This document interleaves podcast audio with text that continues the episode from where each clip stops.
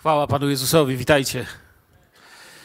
Witam w ten środowy wieczór, w czasie naszych lekcji Słowa Bożego, w czasie nauczania. Dzisiaj wejdę w bardzo trudny fragment Słowa Bożego. Ogólnie, jak zauważyliście, prowadzimy nauczanie, czy prowadzę y, troszkę taką egzegezę y, Księgi Ozeasza i trafnie zauważyliście, i zresztą jest to też moje spostrzeżenie, że w gruncie rzeczy, gdyby nie Boże obietnice i Boże nadzieje zawarte w tej księdze, czy Boża nadzieja na zbawienie, to ogólnie jest to bardzo smutna księga. Jest wręcz taka dramatyczna i, i nie mieści się w głowie, jak to w ogóle może być, że takie rzeczy i tak dalej. I tak wracamy dzisiaj do proroka miłości i łaski, bo Ozeasz jest prorokiem miłości, jest chyba jednym z najbardziej niezwykłych, zakochanych proroków, jakich mamy w Biblii. Kocha kogoś, kto kompletnie nie odwzajemnia mu się tą miłością, a reprezentuje Jahwe, który używa go jako przykład, aby po ludzku człowiek mógł napisać, co czuje Bóg, kiedy zdradza go człowiek. Wszyscy wiemy, że Bóg jest kim? Miłością. Bóg jest miłością. I Jan w 4,16 pisze w pierwszym swoim liście, że myśmy poznali, uwierzyli w miłość, którą Bóg ma do nas. Bóg jest miłością, a kto mieszka w miłości, mieszka w Bogu, a Bóg w nim. Ale również drugą prawdą, jakby drugą stroną tego medalu jest, że zwiastowanie to, które słyszeliśmy od Niego i które Wam ogłaszamy, jest takie, że Bóg jest światłością i nie ma w nim żadnej ciemności. Bóg jest miłością, ale miłość nie jest Bogiem. Bóg jest miłością, ale nie ma w nim żadnej ciemności. Bóg to nie jest jakaś skorumpowana, przewrażliwiona, zdefiniowana światem jego emocjami miłość.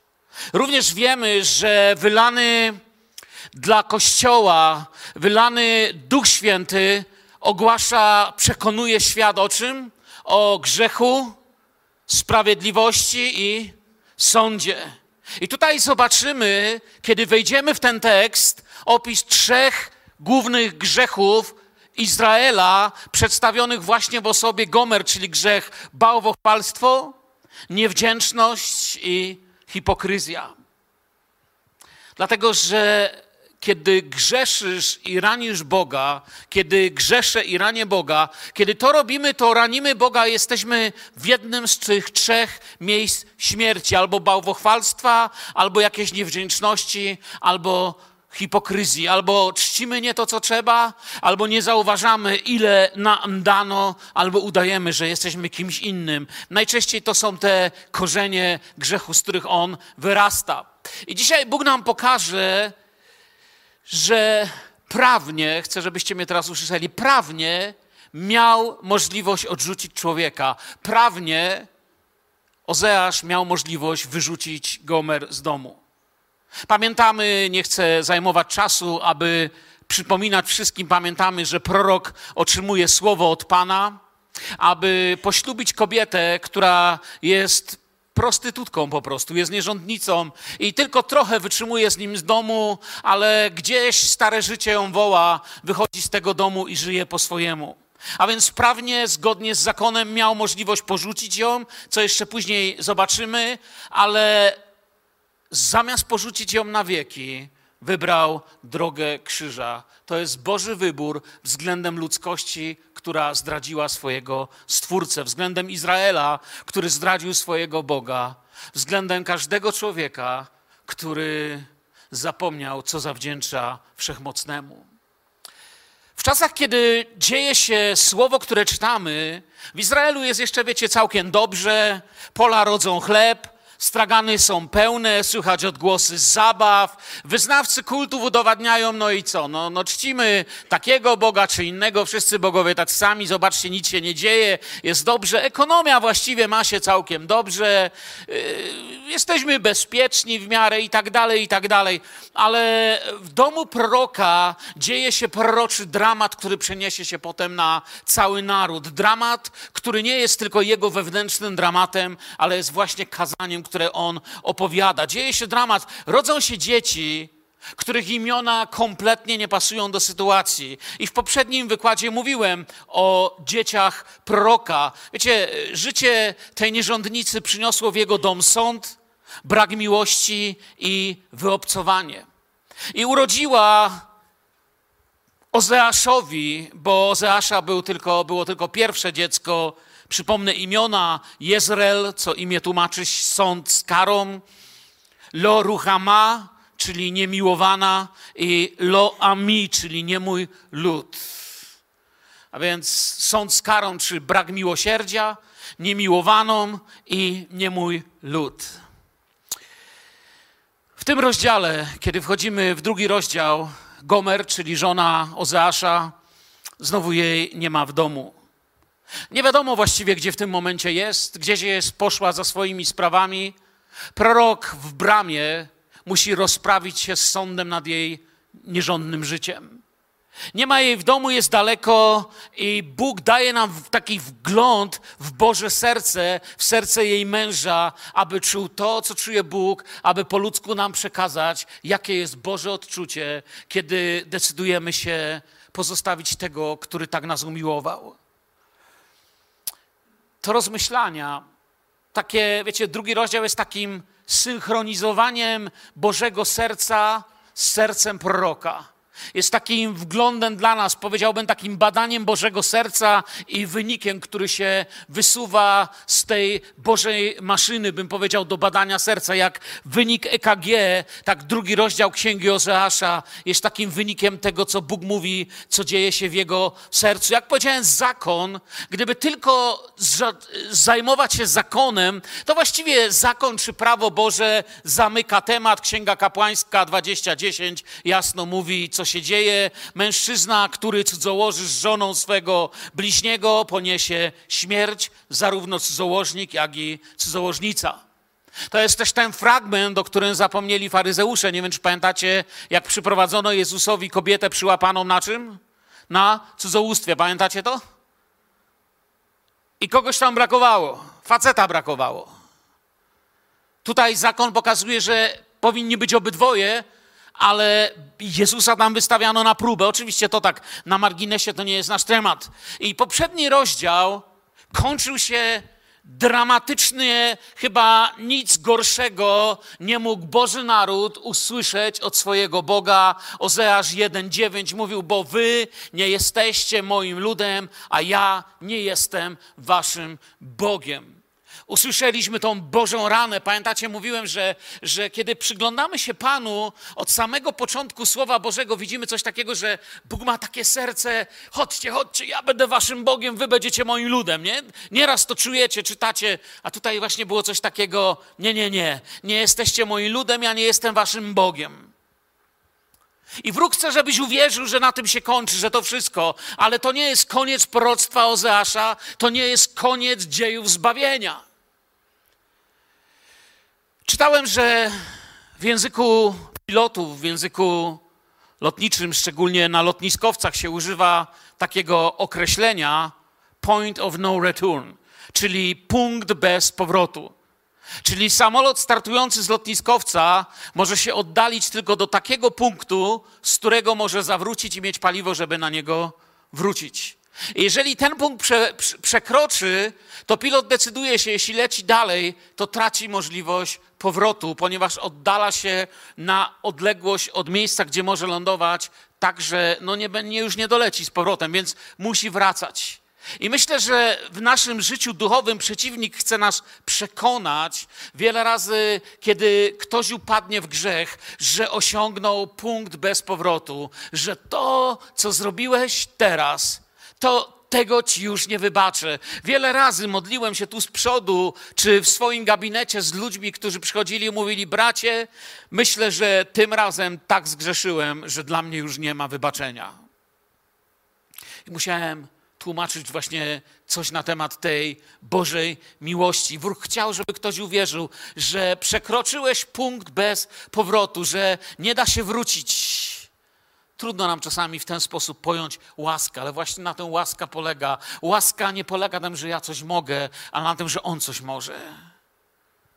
Mąż mówi do niej, żeby tylko była przy nim, a on ją pokocha, ale ona tego nie słyszy. Jej nawet trudno po prostu być w domu. Jak mówię, nie ma jej w tym czasie w domu.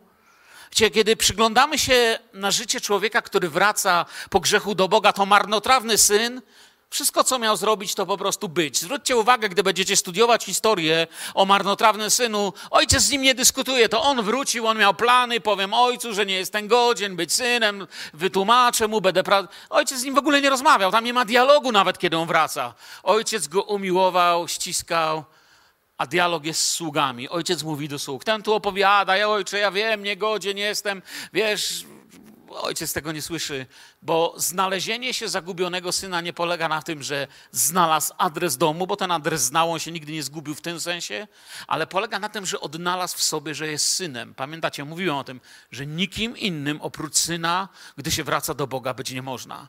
Możemy być tylko dziećmi Bożymi. Nie ma jakiejś innej pozycji. Albo się nim jest, albo nie jest. Ojciec nie rozmawiał z wiecie, z nim, więcej rozmawiał z sługami nie z nim, bo dla niego przygotowywał ucztę, a bardziej rozmawiał ze starszym synem. I to jest to, że kiedy ktoś pośród nas grzeszy, również musimy mieć serce sług. Czyli zostawić ten, tą przestrzeń modlitwy, zostawić przestrzeń miłosierdzia, duszpasterstwa, miłości, wiecie. I, I ojciec musiał porozmawiać ze starszym bratem, bo temu się nie podobało. Bóg rozmawiał ze starszym bratem Albo tak samo Bóg rozmawiał z Kainem. Nie rozmawiał z Ablem, bo Abel czy młodszy brat w wypadku historii o synu marnotrawnym, oni coś przeżyli z Bogiem. Jeden oddał Panu ofiarę, to co pierwsze, to co najlepsze, drugi wrócił do ojca. Tam niepotrzebna była rozmowa, ale czy w wypadku starszego brata, czy w wypadku Kaina potrzebna była Boża dyskusja? Bo to był ten element tego kogoś, kto mógł powiedzieć: Jestem lepszy. A on co? Ja tutaj też, a on co? Młodszy brat i Abel podobali się Bogu, starszy i Kain mieli lekcje do przerobienia. To z nimi rozmawiał ojciec, bo młodszy już wie, że nie ma szczęścia poza domem ojca, a starszy wie, że tylko robił coś w domu ojca, a teraz nikt mu nie oklasków nie składa. I pamiętacie, nieraz wspominając historię o marnotrawnym synu, mówimy, że jest to historia tak naprawdę o dwóch marnotrawnych synach tylko na inny sposób coś zmarnotrawili. Jeden zgubił się poza domem, jeden w domu.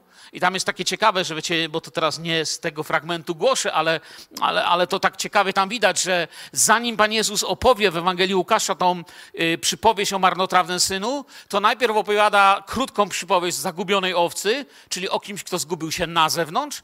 Potem opowiada przypowieść o zagubionej monecie, czyli o czymś, co zgubiło się wewnątrz. A potem o kimś, kto reprezentuje jakby te dwie zguby i tą owcę, która nie wiadomo gdzie poszła, i tą monetę, która niby w domu, ale również zaginiona. Bóg jest Bogiem, który poszukuje człowieka. I nasz dzisiejszy fragment zaczyna się całkowicie inaczej. Jak mówię, wchodzimy w drugi rozdział, inaczej jakby się coś zmieniło, Oczywiście nic się nie zmieniło w Gomer, w żonie Ozeasza, ale serce Ozeasza ciągle naśladuje Boga. On jest naśladowcą Boga. Bóg ma plan zbawienia, ratuje życie, nie wypełnia wyroku. Trwa dla Gomer czas łaski i mąż przygotowuje dla żony czas łaski, tak jak Jahwe przygotowuje czas łaski dla swojego ludu. I czytamy Księga Ozeasza, drugi rozdział, może pierwsze trzy wersety, a liczba synów Izraela będzie jak piasek morski, którego nie można ani zmierzyć, ani zliczyć. I będzie tak, że zamiast mówić do nich, wy nie jesteście moim ludem, będzie się do nich mówiło, synami Boga żywego jesteście. Potem zbiorą się razem synowie Judy i synowie Izraela i ustanowią nad sobą jedną głowę i wyruszą z kraju, bo będzie wielki dzień Jezreela. Mówcie do swoich braci, ludu mój, a do swoich sióstr umiłowane. Nie mój lud, niemiłowana, takie są dzieci Ozeasza. I tutaj w proroczy sposób, w najgorszej, najciemniejszej chwili brzmi coś takiego jak właśnie Ewangelia Taka, taka protoewangelia, taka preewangelia, zanim usłyszymy o Zbawco Jezusie, Bóg przez proroka mówi, że w momencie, kiedy właściwie fakt jest taki, że mój lud to nie mój lud, ja wam prorokuję, że mój lud będzie moim ludem. Sobie, no molę, Boże, ale twój lud nic już nie może zrobić. No właśnie, ale ja mogę. To jest w tym sensie. To nie jest historia w stylu żyli długo i szczęśliwie, ale to jest proroctwo nieprzemijającej miłości. Bóg zapowiada, to jest Ewangelia. Ewangelia oznacza dobra nowina, zapowiada swoją odnowę. Wszystkie przekleństwa zostaną usunięte, a zło pokonane w Boży niezwykły sposób. To wynika z tego tutaj, z tych pierwszych trzech wersetów. Bóg ciągle myśli dobrze z planem na miłość ale w Gomer, w Izraelu, w nas jeszcze nie ma pragnienia zmiany. Wiemy, że nauka apostolska mówi, że Bóg nas umiłował pierwej wcześniej niż my umiłowaliśmy Jego. To On pierwszy nas umiłował. To on, pier, to on za nami przyszedł. To On jest tym, który rozpoczął poszukiwania. To On jest tym, który znalazł. To On jest tym, który podniósł. Drugi rozdział znów raczej zaliczamy do opowieści z życia proroka, choć jak mówiłem, jest to trudny fragment słowa, do życia proroka i jego rodziny, lecz również jest to takie właśnie wyjaśnienie dla ludu Bożego, dla całego narodu. Bóg opowiada w tym rozdziale. Ten rozdział jest bardzo teologicznym objaśnieniem tym, czym jest łaska. Nieprostym, ale objaśnia. I o tym dzisiaj chciałbym mówić. Historia Boga i jego ludu. Historia człowieka, dopóki dech w jego piersi, dopóki serce mu bije, nie kończy się na odrzuceniu.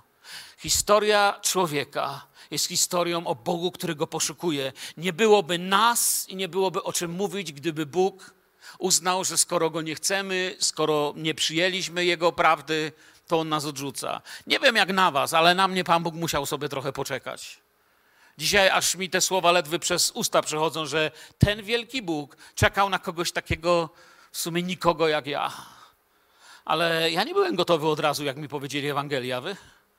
Może są wśród was tacy, co nie wiem, pierwszy raz usłyszałeś i zaraz poszedłeś, chwała Bogu. Ja kilka razy słyszałem, potrzebowałem dojść do tego miejsca, kiedy w końcu gdzieś naprawdę poczułem, że to nie chodzi o chodzenie do kościoła, to nie chodzi o to, że zmienię denominację, to nie chodzi o to, że zacznę być religijny, ale chodziło o pełną przemianę, o metanoję, o dogłębne przemienienie się mojego życia. Bóg miał cierpliwość dla mnie, miejmy cierpliwość dla grzeszników. Nie ma nic pośrodku. Albo jest się Jego ludem, albo się nie jest jego ludem, albo się jest, jak, używając słownictwa Ozeasza, nie mój lud, albo mój lud. Ozeasz to jest prorok miłości, ale tak mówię, nie taniej, nie lekkiej. Bóg jest miłością, ale nie ma w nim żadnej ciemności, tak jak zaczęliśmy. Również widzimy, że Bóg zapowiada zmianę imienia. Z nie mój lud, z niemiłowanej, mój lud i umiłowana. Widzimy, że następuje zmiana imienia, co zawsze miało miejsce, gdy Bóg rozpoczyna nowy rozdział w czyimś życiu. Nowe imię jest aktem łaski. Nowe imię jest jak biała kartka. Jakby Bóg mówi: Masz, to jest imię, które ci daję. Jesteś teraz moim dzieckiem. Byłeś dzieckiem tego świata, teraz jesteś mój. Izrael pogubił się, ale będzie mój. Dostaną białą kartkę. On, tak jak wiecie, e, list do Kolosan 2,14 namówi, nie będziemy tego czytać, znacie na pamięć, że on przybił tą, do krzyża tą kartkę z obciążającym nam, nas listem dłużnym i co się z nią stało? Wymazał ją, przybiwszy do krzyża, mówi Kolosan. Stare przeminęło, wszystko staje się nowe. Z jednej strony to obietnica łacki, z drugiej, drugi rozdział pokazuje faktyczny stan tego ludu. To wszystko będzie, lecz kim jesteście dziś? Pyta Bóg Izraela.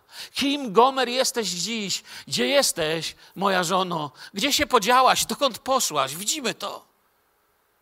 W wersecie czwartym i siódmym mamy nic innego, kochani, jak właśnie mowę rozwodową.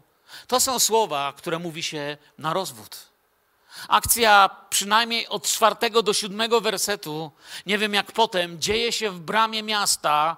Oskarżającym jest mąż i ojciec dzieci, z czego dwójka nie, nie są jego dziećmi. On jest tym, który oskarża, a słuchającymi są prawdopodobnie starcy i mędrcy stojący w bramie. To wiemy, jeśli chodzi o tradycję o przemowy Izraela. I tutaj mamy te od 4 do 7. Spór prowadźcie z waszą matką. Prowadźcie spór, ona bowiem już nie jest moją żoną, a ja już nie jestem jej mężem. To jest ogłoszenie rozwodu. Winna usunąć znaki nierządu ze swej twarzy i spośród swych piersi ozdoby cudzołożnicy. Przeciwnym razie obnaży ją zupełnie i stanie się taką jak w dzień swych urodzin. Uczynię ją podobną do pustyni. Sprawię, że będzie jak ziemia wyschnięta, że zginie śmiercią z pragnienia. Dzieciom jej nie okaże litości, bo są to dzieci nieprawe. Matka ich bowiem uprawiała nierząd, okryła się hańbą ta, co je poczęła. Mówiła bowiem, pobiegnę za swymi kochankami, co chleb mi dają i wodę, wełnę, len, oliwę i napój. Wczytajcie się w to słowo. Oto w bramie brzmi mowa rozwodowa i zgodnie z zakonem nie są już małżeństwem. Przymierze zostało zerwane. I teraz drugi rozdział, werset ten czwarty, co czytaliśmy przed chwilą. Werset czwarty pokazuje nam rozwód, czyli formułę rozwodową, a werset piąty pokazuje nam poprowadzenie na ukamieniowanie, czyli tą kobietę prowadzi się za miasto, zrywa się z niej szaty, jest zakopana po szyję w suchej, pustynnej ziemi, zostaje ukamienowana, a jeśli nawet przeżyje, to będzie tam umierać, aż nie dokona swojego żywota. Każdy wiedział w tamtym czasie w Izraelu, że tak się takie rzeczy kończą. Izrael zachowuje się jak nierządnica. O, oznaczył się i oskarżyciel, mąż mówi, ma oznaczenia nierządnicy na sobie. Szuka klientów, szuka komu by sprzedać siebie. Chodzi o dokładniej propagandowe pogłębianie kultu Baala, ale proroczo Gomer to reprezentuje. Nawet jej tam w bramie jeszcze nie ma, bo nikt nie wie, gdzie jest. Później się dowiemy, że jest w niewoli. Że z powodu swojego życia dostała się do niewoli, jest niewolnicą i po prostu została uprowadzona. I nawet już nie należy do siebie. Ale teraz tego nie wiemy. Natomiast mowa oskarżycielska brzmi: ale ona nie będzie końcem. Ona nie zakończy się słowami tak i amen, ale coś będzie się działo dalej. Ona swoje powodzenie i dobrobyt przypisuje Baalowi.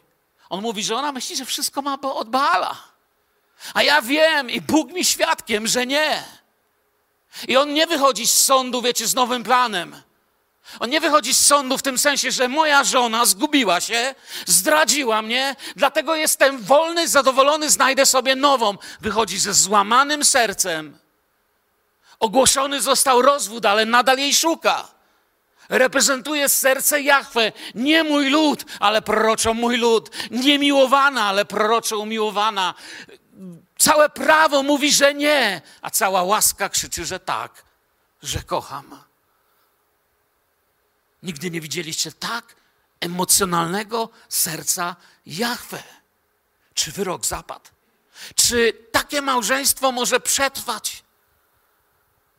Zdawałoby się, tutaj nie będzie z czego zbierać.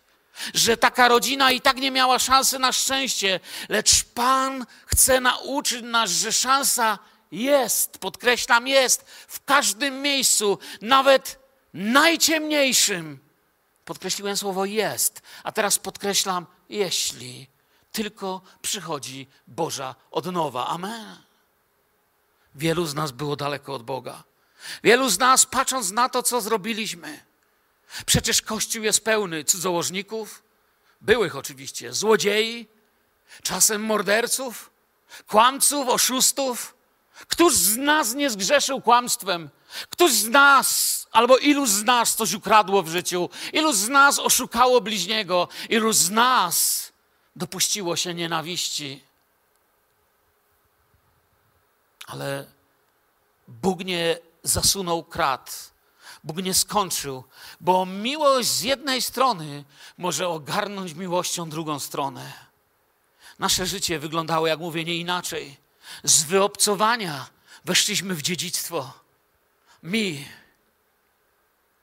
Polakowi, urodzonemu tu w południowej Polsce, mieszkańcowi blokowiska hotelu robotniczego, zostało podarowane niebiańskie dziedzictwo Jahwe.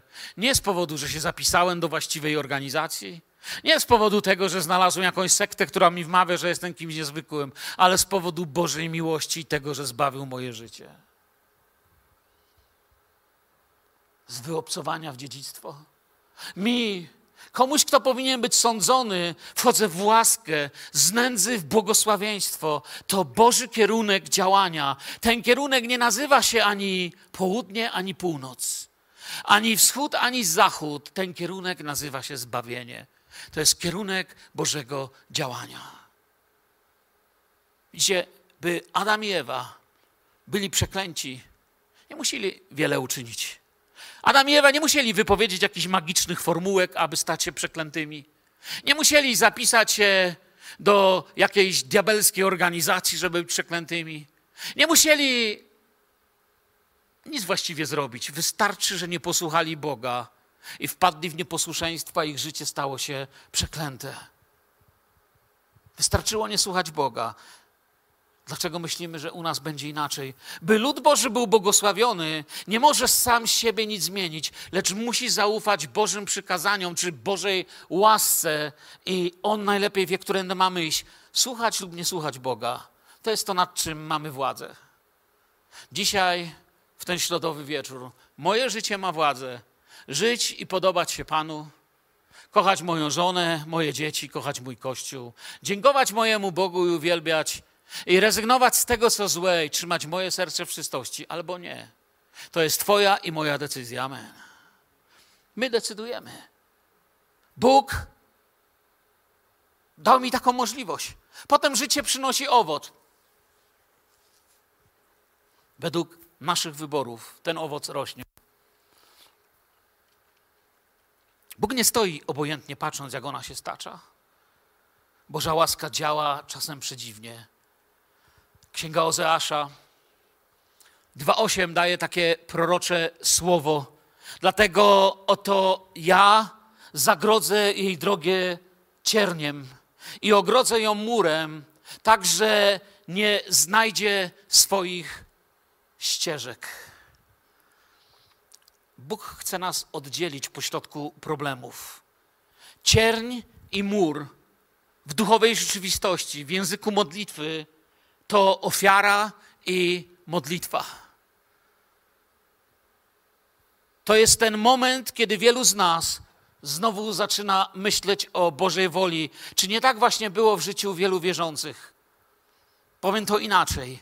Pęd za wspaniałą okazją, hula i dusza piekła nie ma, świecką radością, nagłe uderzenie w ścianę rzeczywistości, przemyślenia uświadomienie sobie błędu, myśl o powrocie i dokąd mam iść, kim mam dalej być. I dobra nowina, oferta Bożej łaski. Pójdźcie do mnie wszyscy, chodźcie. Zmęczony, umęczony, masz dość, chodź. Ja będę Twoim Bogiem, będziesz moim człowiekiem. Ale ojcze, nie jestem godzien. Chodź. To nie są Twoje słowa. Pan pokazuje nam to nawet jeszcze głębiej. 2.9. Gdy będzie biegać za swoimi kochankami, nie dogoni ich. A gdy szukać ich będzie, nie znajdzie. Wtedy powie, no, że wrócę do pierwszego swojego męża, gdyż wtedy mi było lepiej niż teraz. Ona wraca do tego, co zna. Do starych kochanków na razie wraca. Jeszcze nią nie kieruje serce, ale już odzywa się w niej ból, który Bóg z daleka czuje, który daje poczuć jej mężowi. Bieg z niczym, za mamoną, cieniami, na razie tam biegnie, na razie przehandlowała swoje życie za cień czegoś, kupiła cień. Wyobraź sobie kupić cień samochodu zamiast samochodu. Wyobraź sobie kupić cień drzewa zamiast, zamiast drzewo. Ona wydała to, co drogocenne za cienie i zostaje z niczym. Ledwo coś się kupi, a już przestarzałe. Mrzonka ucieka dalej, potem z długami, poobijani, pozbawieni wielu wspaniałych lat, które można było wykorzystać lepiej, wracamy.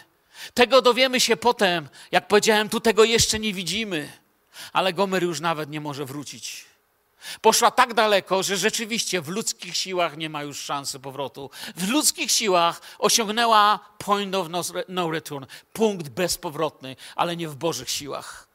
Pan jest moim zaopatrzeniem, Pan zbawieniem, Pan siłą, Pan skałą, Pan dodaje siłę. Ci, którzy ufają Panu, odnawiają się, podnoszą w górę, biegną, nie ustają. Tysiące wersetów mówią: Jest siła we mnie, ja Was napełniam.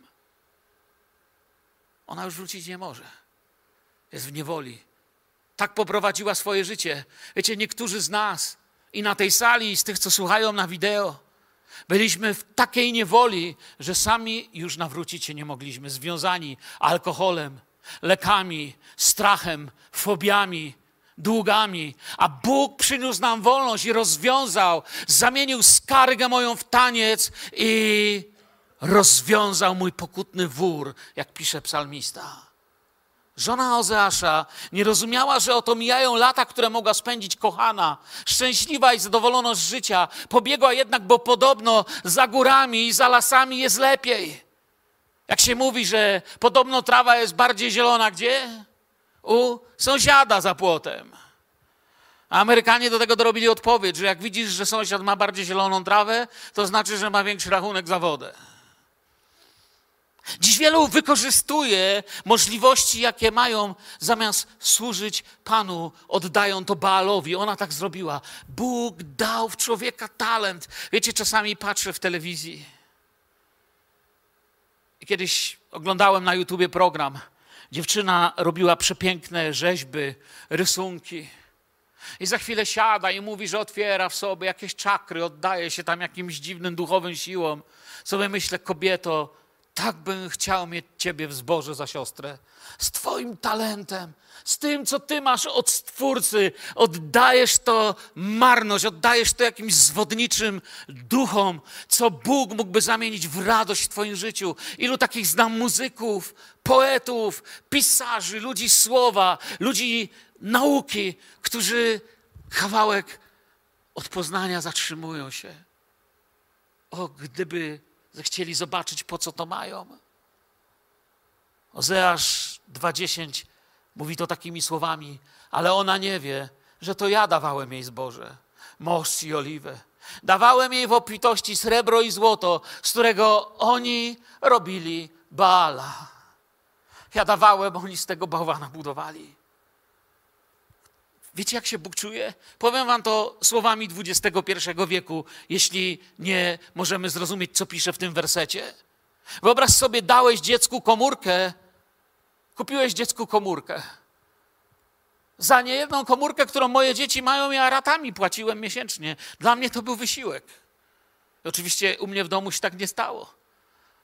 Ale daję przykład że wyobraź, ja, wiecie, jak ja bym się czuł, jak ty, że kupiłeś dziecku komórkę, płacisz za nią raty, a twoje dziecko ogląda pornografię i ogląda zło, które niszczy jego duszę, za twoją własną miłość, za twoje przecież pieniądze. Jachwę dał nam rzeczy, które używamy źle. To jest przesłanie Ozeasza. Dałeś dziecku pieniądze, a ono te pieniądze zużywa na alkohol, albo narkotyki, jaka zdrada miłości, jaka zdrada Twojego trudu, jaka zdrada Twojej hojności. I potem powie Ci, że to nie Ty. I wyobraź sobie, że przychodzisz i mówisz do dziecka, czemu na komórce, którą ci kupiłem, oglądasz pornografię? Albo czemu za pieniądze, które ci dałem, ciężko zarobione, pijesz? Ono mówi do ciebie, patrząc ci w oczy, ale to nie ty mi dałeś, to dzięki diabłu mam to wszystko. Jak byś się czuł? Serce pęka. Tak się właśnie czuje Bóg. Bóg postanawia, że pozbawi ją bezpieczeństwa i błogosławieństw. Kiedy czytałem książkę Granice w życiu nastolatków, to autor tej książki powiedział, że największym aktem miłości, jaki możesz dać swojemu dziecku, kiedy zaczyna się gubić, to pozbawić go jego przywilejów to wcale nie jest trudne ani dla tego, kto kocha, ani dla tego dziecka. Znaczy nie jest łatwe, chciałem powiedzieć. To jest trudne. Bo nie jest trudne się złościć. Ale Bóg postanawia, że pozbawi ją bezpieczeństwa i błogosławieństwa. Nie będziemy tego czytać, to są od 11 do 15 wersetu ciężkie słowa, jak cały ten rozdział. Ci dzisiejsi ludzie lubią narzekać na Boga, że jest okrutny, bo dopuszcza złe rzeczy. Mówią ludzie, jeżeli byłby Bóg, to byłby Oświęcim, byłyby komory gazowe, byłyby te morderstwa, a już nawet jeżeli jest Bóg, to czy byłoby takie okrutne miejsce jak Golgota i ten zakrwawiony krwią Syna Bożego krzyż? I wtedy powolutku być może zaczynamy rozumieć, czym jest Ewangelia. Ewangelia nie mówi o tym, czy krzyż i krwawość Golgoty nie mówi o tym, że to Bóg jest krwawy i zły. Mówi o tym, że to my i nasze grzechy są krwawe, złe i prowadzą do śmierci.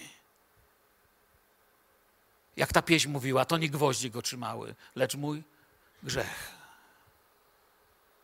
Wiecie, gdyby ojciec marnotrawnego syna posyłał mu paczki do świniogrodu, to on by tam całe życie żył. Co dwa tygodnie dostałby paczkę w świniogrodzie i oni, Pepa, by się dzielili ciastkami, jedliby i mieliby się dobrze. Ale on niczego nie posyłał, on czekał. Jeśli ktoś chce żyć bez Boga, musi też zrozumieć, że będzie musiał żyć bez Bożych błogosławieństw. Gomera pewnego dnia zrozumiała coś. Kiedy jej sukienki będą już stare i brudne, gdy życie wyglądało na przegrane, gdy być może pewnego dnia wypchnięto ją z gospody, gdy pewnego dnia wszyscy klienci z obrzydzeniem splunęli za sobą, siedząc w niewoli grzechu, zrozumiała, że to, co zmarnowała, nie było jej dorobkiem. Bo gdyby było, teraz by znowu miała. Znowu pustynia okaże się najlepszym Bożym narzędziem, czy pustka wokół. Dlatego szesnasty werset on mówi, dlatego ja zwabię ją i zaprowadzę na pustynię i przemówię do jej serca. Pustynia jest tym, co pozostaje, gdy usunie się wszystko, co pochodzi od Boga, pozostawiając nam jedynie to, co jest dziełem ludzkim. Bo w człowieku nie ma żadnego życia. To w nim jest życie. Zostają wspomnienia i kolejne fatamorgany. Wiecie, co jest Fata Morgana, czy nie? Fata Morgana, po polsku właściwie się powinno powiedzieć miraż. Słowo na marginesie. Fata Morgana pochodzi od imienia czarownicy Morgany Le z legend arturiańskich.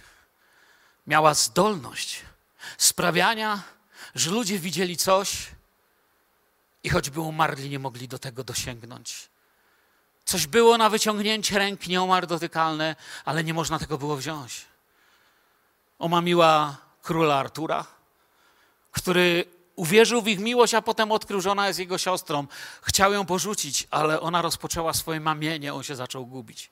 To są legendy arturiańskie, ale przechodzę z powrotem do naszej rzeczywistości. Patrzymy i to, co ludzkie, nie możemy osiągnąć. Mamy te nasze miraże, fatamorgany, biegniemy za tym, ale rzeczywistością jest Chrystus, a reszta to cienie. I wtedy przychodzi czas, kiedy człowiek już przestaje wierzyć, że dobiegnie do tego, co marzy, kiedy mówi i poddaje się. Panie, nie mam już ambicji, nie mam już planów, i zmęczyłem się już walczyć. Przyjdź do mojego życia, Zbawicielu, i podnieś moje życie. Nie mam już siły walczyć. Czasami w szpitalach nawraca się więcej ludzi niż w kościołach. Bo czasami tam jest miejsce, gdzie ludzie odkryją, że tak mało decydują. Tu widać prawdę o naszych siłach i możliwości. Pan mówi, że ją zwabi Zwabia się przez najprostsze, najbardziej odruchowe instynkty. Samo słowo wabik dużo nam mówi, nie?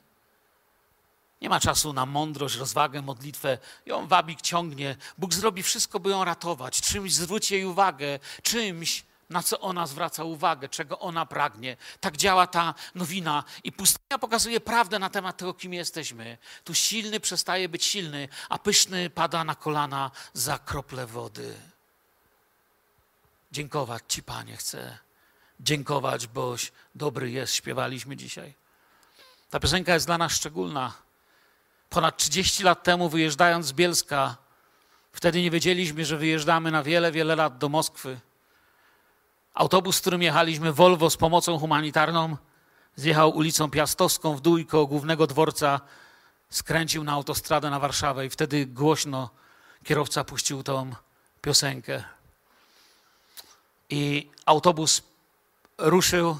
Słuchałem tę pieśń, którą dzisiaj tu śpiewaliśmy. I pamiętam, jak wiecie, ja byłem wcześniej listonoszem, pracowałem jako listonosz. Spoglądałem w okna klientów na moim rejonie, bo przejeżdżaliśmy obok. Potrafiłem nazwiskami powiedzieć, widziałem światła w oknach domu i nazwiska tych rodzin znałem na pamięć cały swój rejon. Tak listonosze mają. Nie przypuszczałem wtedy, że wyjeżdżam w przygodę, która po 26 latach skończy się tym, że wrócę tutaj i będę mógł doświadczać Bożej miłości i łaski, zobaczyć, że Jemu chcę dziękować, to On jest dobry, w Nim słaby będzie wyznawać, że jest mocny. Dolina Prawdy i Opamiętania. Tu dochodzimy jednego, do jednego z głównych wersetów drugiego rozdziału, werset 17. I dam jej tam winnicę, a z doliny Ahor uczynię bramę nadziei i słuchać mnie tam będzie, jak w dniach młodości jak w dzień swojego wyjścia z ziemi egipskiej.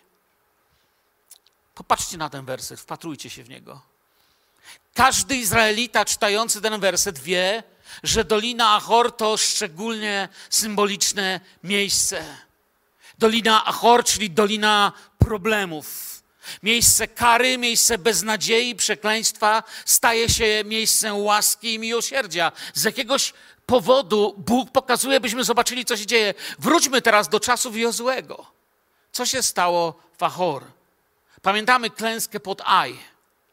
Wiemy, jakie były jej powody. Jeśli ktoś nie czytał jeszcze Księgi Jozłego, jeśli jesteś pośród nas nowy, tylko krótko powiem, naród Izraela zdobywa przez wiarę, współpracując z wszechmogącym Bogiem Jericho, prawda? Pamiętacie ci, co czytali?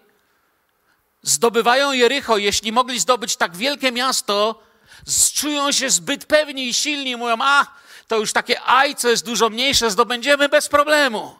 Ale nie są wierni Bożemu Słowu i ukrywają rzeczy, których ukrywać nie należało.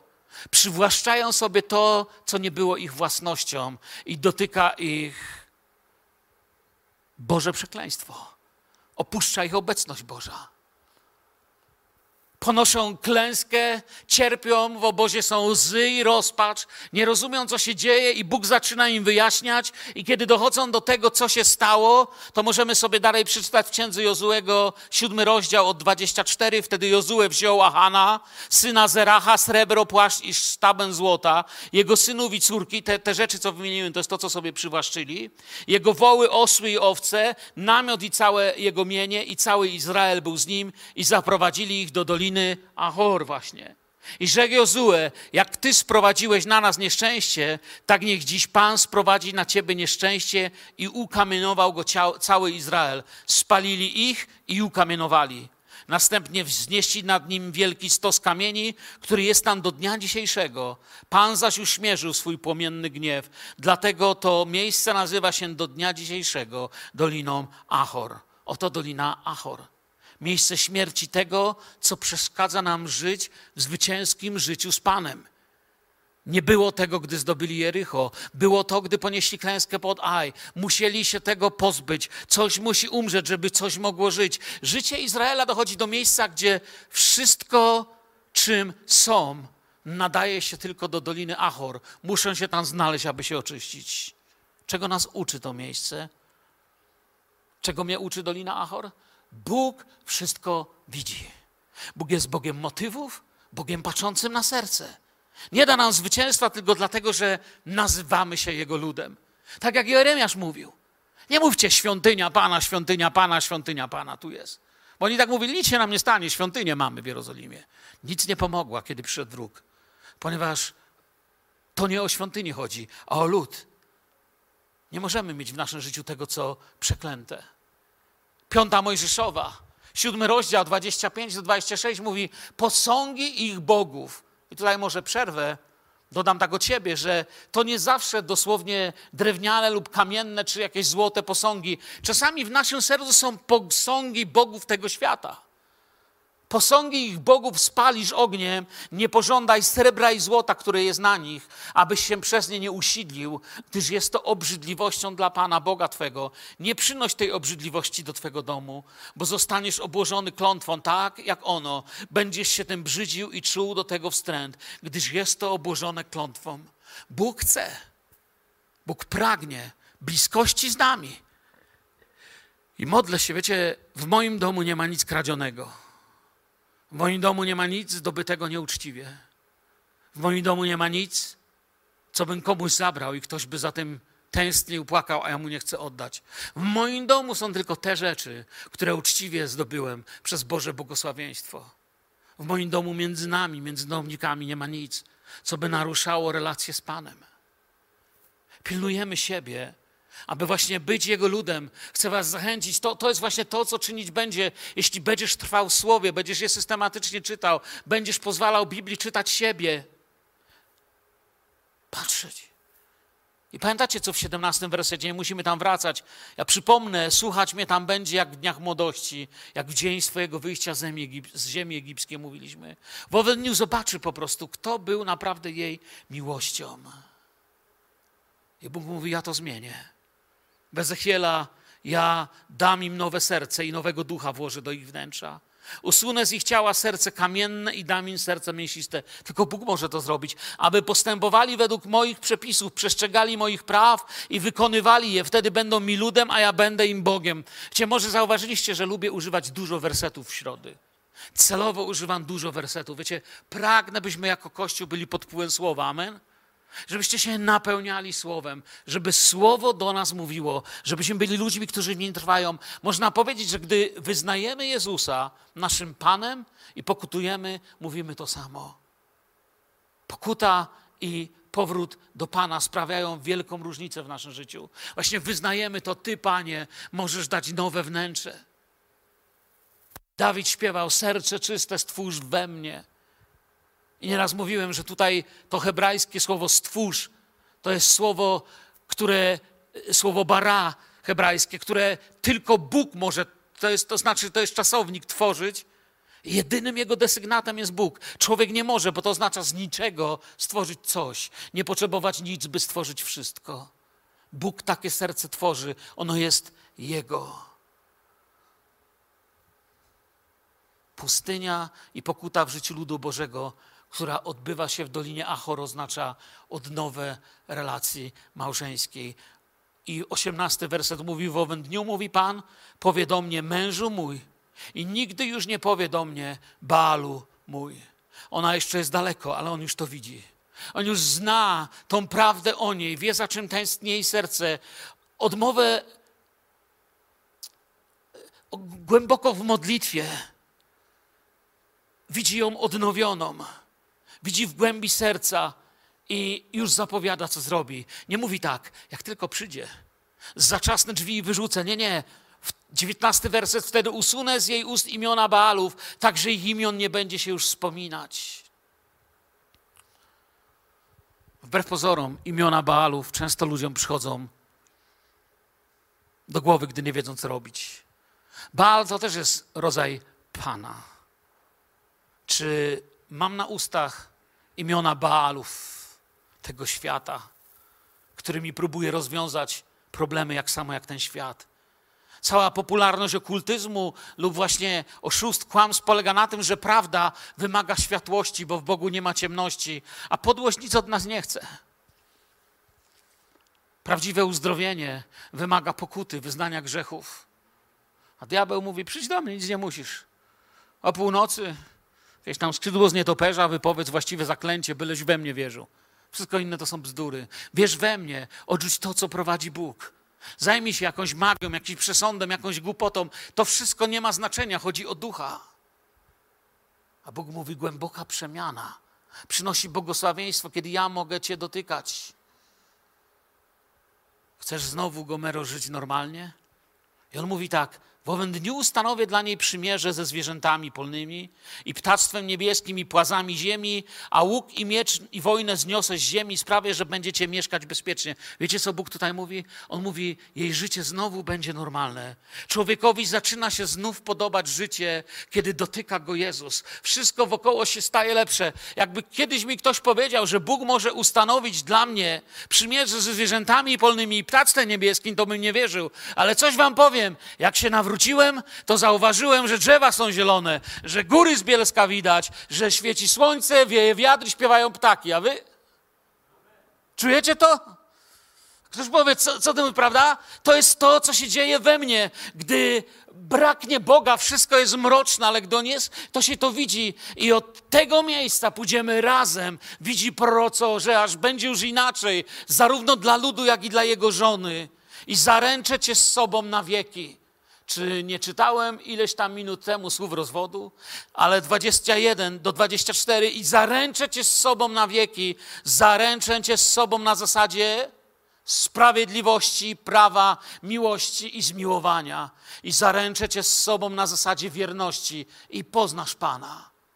On był wierny, chociaż ona nie była wierna. On ją znał, chociaż ona go nie znała.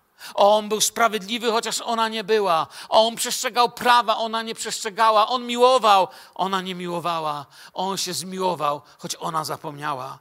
W owym dniu wysłucham, mówi Pan, wysłucham nieba, a ono wysłucha ziemi, jak w niebie, tak i na ziemi. Innymi słowami, a ziemia wysłucha zboża, moszczu i oliwy, a te wysłuchają Izraela. Czyli przyjdzie błogosławieństwo. Wokół nas pojawi się Boże życie i błogosławieństwo w pełni. I wtedy się nie dziwię, że nawet drzewa klaskają w dłonie.